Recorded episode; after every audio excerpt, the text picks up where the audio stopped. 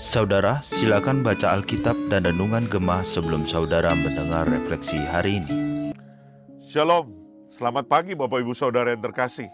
Ketemu lagi di dalam refleksi Gemah pagi hari ini.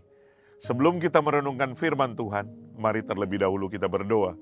Tuhan Yesus, berkati kami semua, biar rohmu yang kudus, yang berkuasa dan memimpin kami untuk mengerti firman-Mu. Di dalam nama Tuhan Yesus kami berdoa. Amin. Tema kita hari ini adalah maksud Allah melalui penderitaan.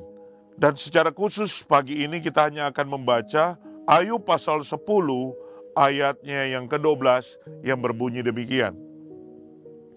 Hidup dan kasih setia kau karuniakan kepadaku dan pemeliharaanmu menjaga nyawaku. Sampai di sana pembacaan firman Tuhan. Bapak Ibu Saudara ada dua hal yang ingin saya eh, bagikan kepada kita di dalam renungan pagi hari ini. Untuk kita boleh memahami tema kita pada pagi ini secara khusus dalam pembahasan pasal 10 ini.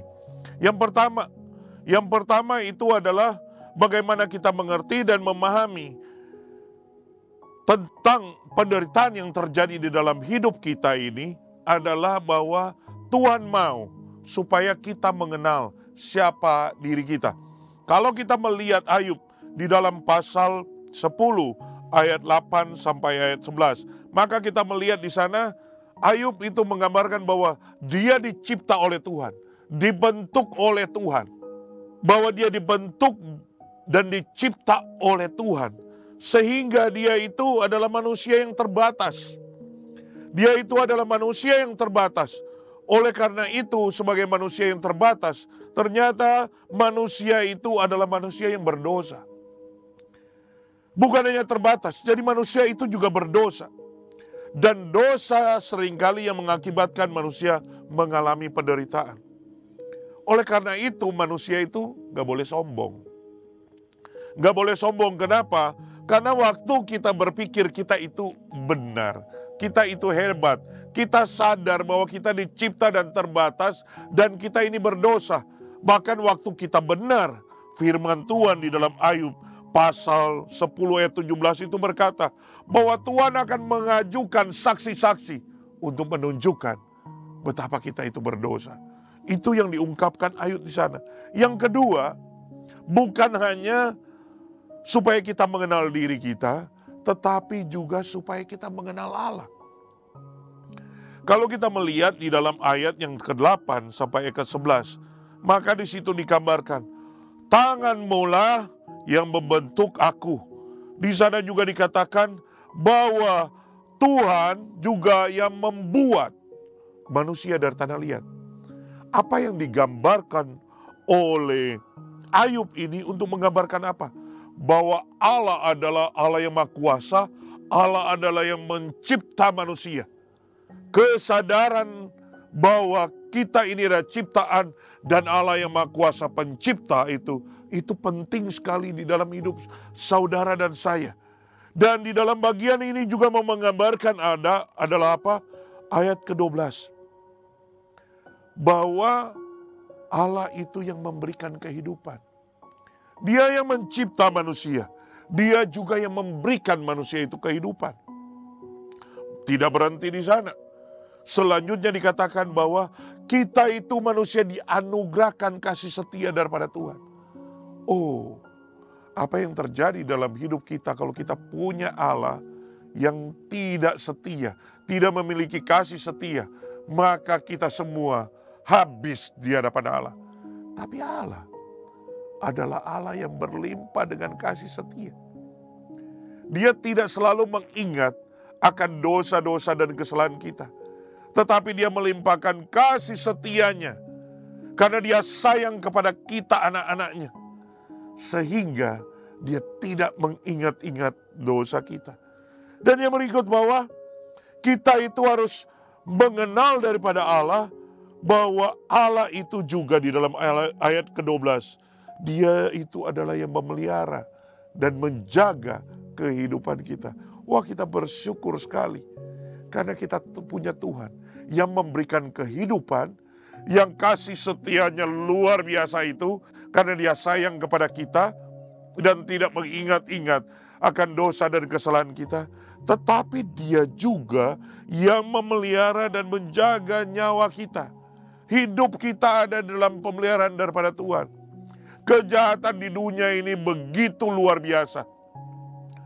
Tetapi kalau belum waktunya Tuhan, maka kita akan tetap hidup. Karena nyawa kita dipelihara oleh Tuhan.